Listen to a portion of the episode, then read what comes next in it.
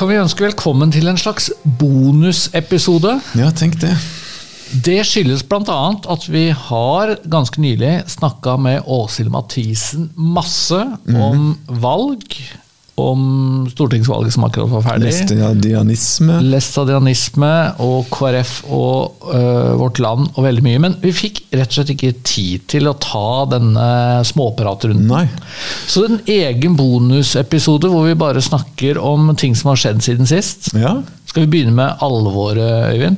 ja, må kanskje det. Varslingsutvalget som hovedstyret satte ned, de har konkludert. Ja. Og på mange måter frikjent deg. Eh, skriver at du ikke har begått noen grove saksbehandlingsfeil og den slags. Så hovedstyret har rykket ut og sagt at de har full tillit. Skal vi si noe mer om dette? Fortjener lyttere og seere en grundig gjennomgang av dette komplekset? Nei, det tror jeg blir vanskelig. Det, det er vanskelig for meg personlig å gjøre. Og det, det er jo ikke så fryktelig interessant. Og det er jo den, den rapporten er jo ikke kjent for noen. Den har ikke du lest, den har kun jeg lest, og hovedstyret. Meget Og sånn- konfidensiell, for her er det Veldig. Ja. taushetspliktig materiale. ja, det er jo det. Ja. Så jeg har egentlig sagt det jeg kan og vil si, og det, det er jo ett ord letta. Ja. Og det, det, det må jeg jo si at jeg er, og det tror jeg det er lov å være. Letta etter at um, det, det tok jo ganske lang tid, uh, og, og, og varslingsutvalget gjorde jo en grundig jobb. Og, og når den konklusjonen kom, så, så kjente jeg på lettelse over å kunne legge noe av det her bak meg. Det, det, det, det er klart at det, det, er noen som, som sitter og har det vondt, og som sikkert gjerne vil snakke mer om det her, og som sikkert gjerne vil diskutere i media og sånn, men, eh, men jeg er opptatt av å, å, å, å ta folk i organisasjonen på alvor og, og legge det bak meg. Det må jeg si. Og du og vi og hovedstyret og mange andre har brukt utrolig mye tid og krefter på dette. Og sånn sett så er det litt fristende kanskje å si at ja, men da bruker vi tiden på litt andre ting her i denne podkasten. Ja, og det er jo sånn at den pandemien kanskje begynner å slippe taket, og det er mulig å, å drive litt mer misjonsarbeid, sånn som vi er vant med, både i Norge og i utlandet. Og Du begynner er begynner å drømme om ut å reise. ja, jeg gjør jo det. Midtøsten.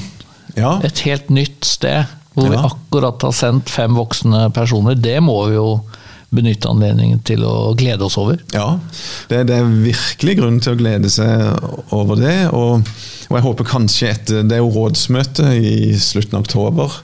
Så etter det så tenker jeg kanskje jeg kan få muligheten til å reise. Hvis, hvis alt ligger til rette for det. Det er, det er mange ting som kan gå galt der, men eh, det frister det å få en sånn tur.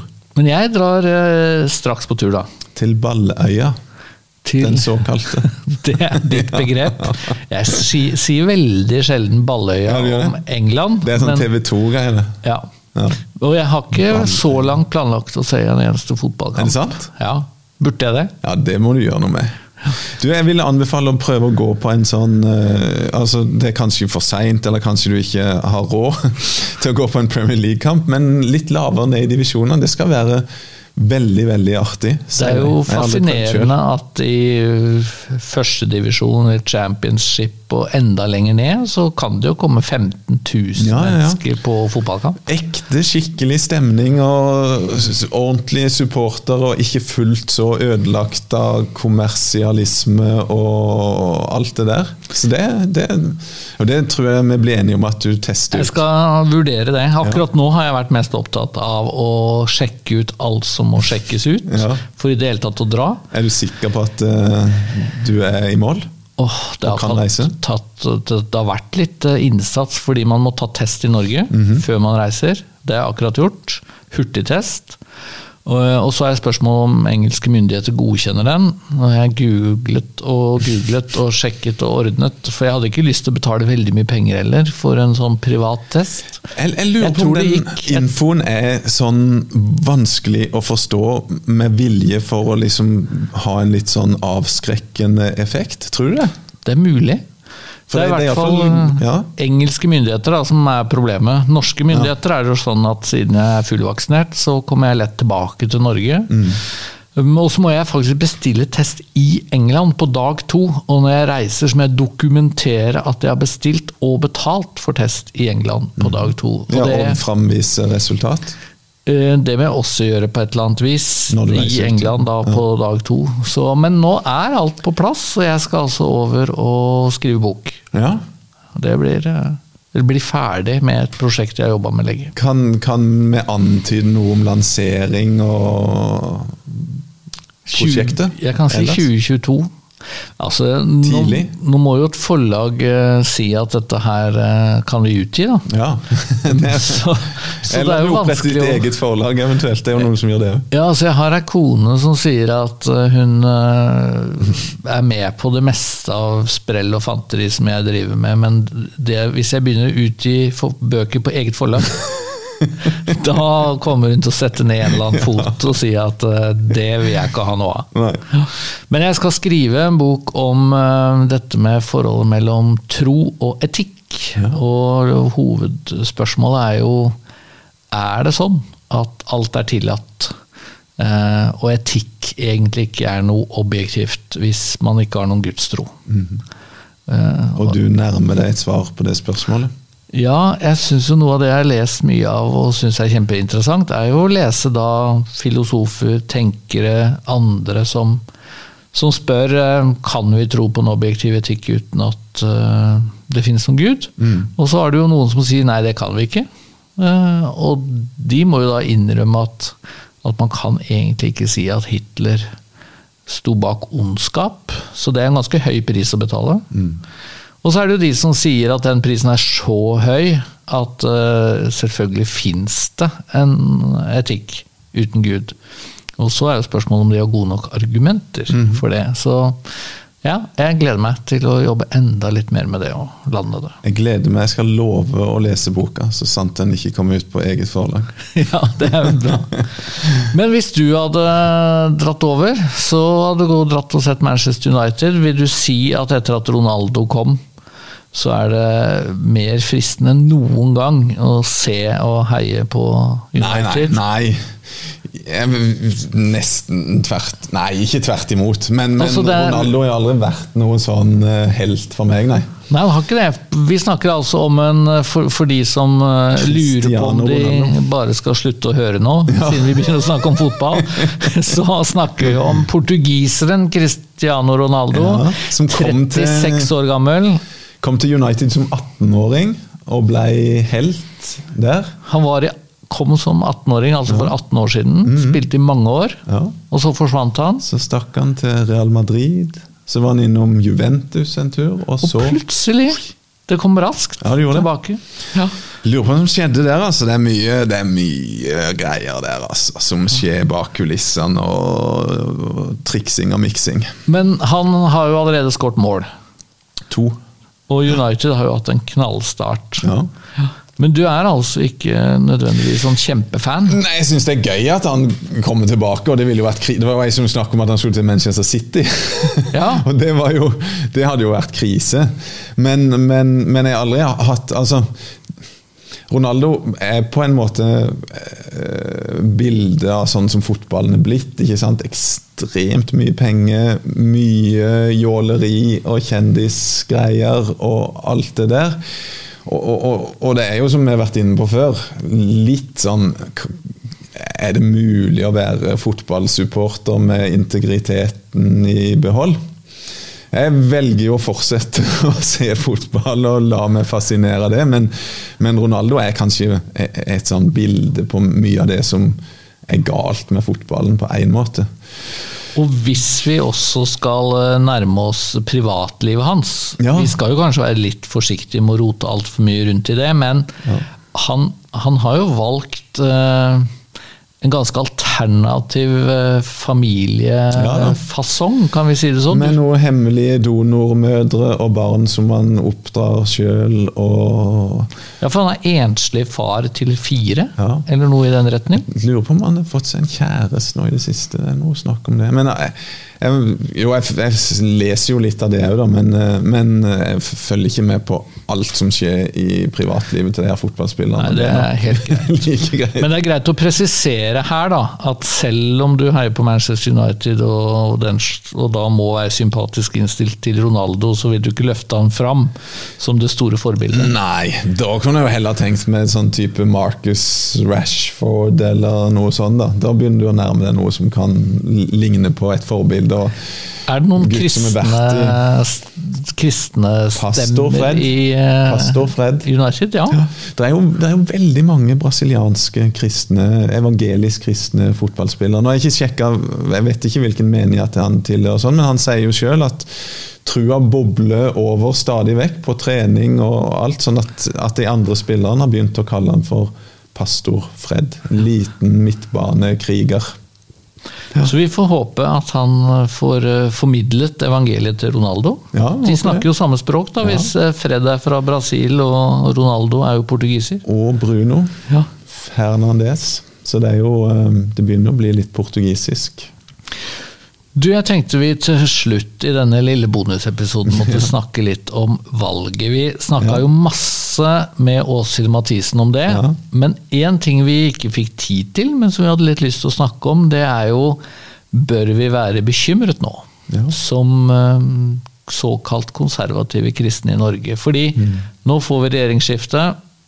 Det blir Jonas Gahr Støre som blir statsminister. Det er tydelig venstresiden som kommer til å styre eh, politikken, selv om Senterpartiet kommer til å ha antagelig en ganske kraftig hånd på rattet. Men eh, noen er helt sikkert bekymra for eh, at det kan gå hardt utover barnehager eller skolevirksomhet, eller at det blir enda sterkere krav før man kan få myndighetenes økonomiske støtte osv. osv. Bistandspolitikk. Hva, hva er din respons i møte med bekymringen som helt sikkert lever der?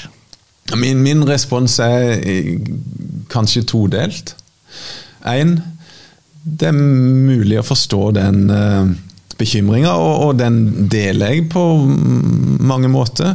Jeg tenker, eh, Vi snakka jo om det her før, ganske åpent at, at når det gjelder akkurat det rent spesifikke med det å drive en misjonsorganisasjon, skoleorganisasjon, kan du jo gjerne si, så er det klart at KrF har vært på en måte en garantist for at, eh, at det blir en del midler, at det blir en positive, gode rammebetingelser for det.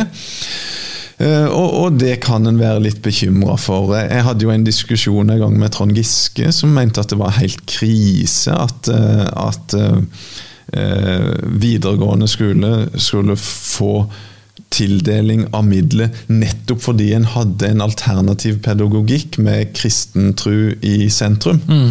Det, det syns han var eh, ille. Nå er han ute av Arbeiderpartiet og, og som en sentral figur der, men, men, men det lever nok en del sånn, og, og, og med SV der òg, så ja. Sånn sett så er vi spente og litt spente. bekymret.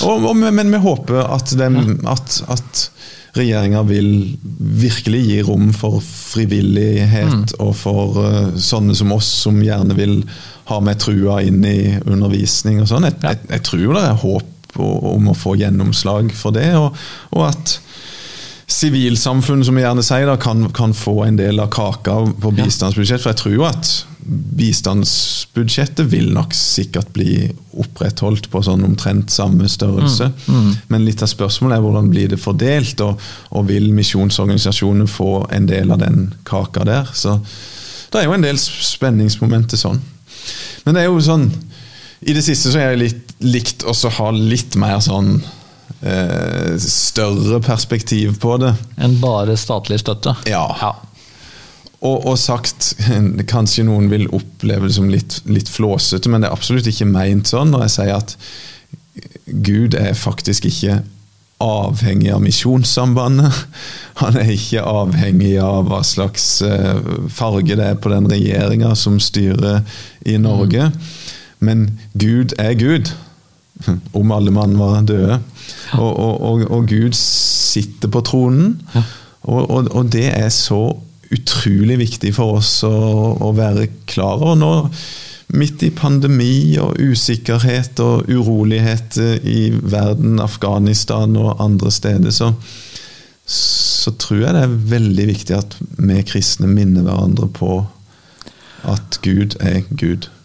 Og det å drive misjon, det å være et kristent vitne der vi bor, det å tilhøre et kristent fellesskap, jeg holdt på å si alt fra det å være med i en liten bibelgruppe, til det å være del av en stor organisasjon som Misjonssambandet er. Men alt dette, det kan vi, og det skal vi gjøre uansett. Mm. Eh, vi regner jo ikke med at det blir eh, voldsom forfølgelse med en ny regjering, men selv om vi kommer dit, og selv for de kristne som lever i sånne situasjoner, så står jo på en måte kallet, oppdraget, fast. Og vi ser jo også at en del av de stedene i verden hvor evangeliet går mest fram, hvor flest blir kristne, så er jo rammebetingelsene for kristent arbeid mye mye dårligere enn i Norge. Så det er noe med å løfte blikket litt, da. Og det går jo helt ifra, ifra Det gamle testamentet med israelsfolk i ørkenen, håpløs situasjon, mm. men Gud fri deg ut. og det, det, er jo liksom den store fortellinga gjennom hele Bibelen, ikke sant? på hvordan Gud har kontroll lede historiens gang, lede sitt folk og lose det inn i det lova land. Det er jo et stort og sterkt og godt bilde på hvordan han vil eh, lede alle mennesker som, som, tar sin tilflukt til, eh, til Jesus. Og når vi snakker om at i Europa i dag postkristent og alt det der, så er alt mye verre enn det noensinne har vært. Så, så jeg er ikke så sikker på at det er sant. Med gresk-romerske verden på Paulus sin tid var den så mye bedre, den kulturen der, og, og ga den så mye mer gode vekstvilkår for evangeliet enn dagens europeiske kultur? Ikke så sikker på det. Kanskje ikke. Og antageligvis så vil det være ganske mange steder rundt i verden hvor friheten i hvert fall til å praktisere sin tro vil være mye, mye mindre enn den er i Norge, selv med ny regjering. Og så minner vi også hverandre om at vi skal be for eh, alle i høy stilling. Mm. Og som det står, be om at vi kan få leve et fredelig, gudfryktig liv og det må på en måte være målet, tenker jeg, helt uavhengig av eh, disse store spørsmålene om hvem som styrer, og hvem som er statsminister, og hvilke mm. parti som sitter i regjering, og alt dette. At vi kan eh, drive vår virksomhet eh, uavhengig av alt det som skifter. Ja, Ikke se på omstendighetene, men se på Gud. Fest blikket på Jesus. Og det er jo nå håper vi jo virkelig at det snart er mulig å samles sånn helt vanlig uten én mm. meters avstand og sånn, og det skal bli nydelig. Jeg håper det er mange som lengter tilbake til fellesskap, til å samles om Guds ord, høre forkynnelse, be og synge sammen. og være med og ta ansvar for misjonæren. Vi er oppe i 130 nå. Utrolig tall. Det ja. kan bli det høyeste misjonærantallet vi har hatt på ja, kanskje tre-fire år. Ja, minst. Jeg tror kanskje enda mer. Så vi avslutter med det. Det er virkelig noe mine lyttere ser om. Eh, det er mange som er villige, som ønsker å bidra i misjonsoppdraget. Mm. mm. Som sagt, opp mot 130 voksne misjonærer på rundt 15 felt. Gleder vi oss over. Og så er vi tilbake med en fullverdig episode når jeg er tilbake fra England. Det satser vi på. Du får ha en god tur. Takk, og takk for prat. Takk.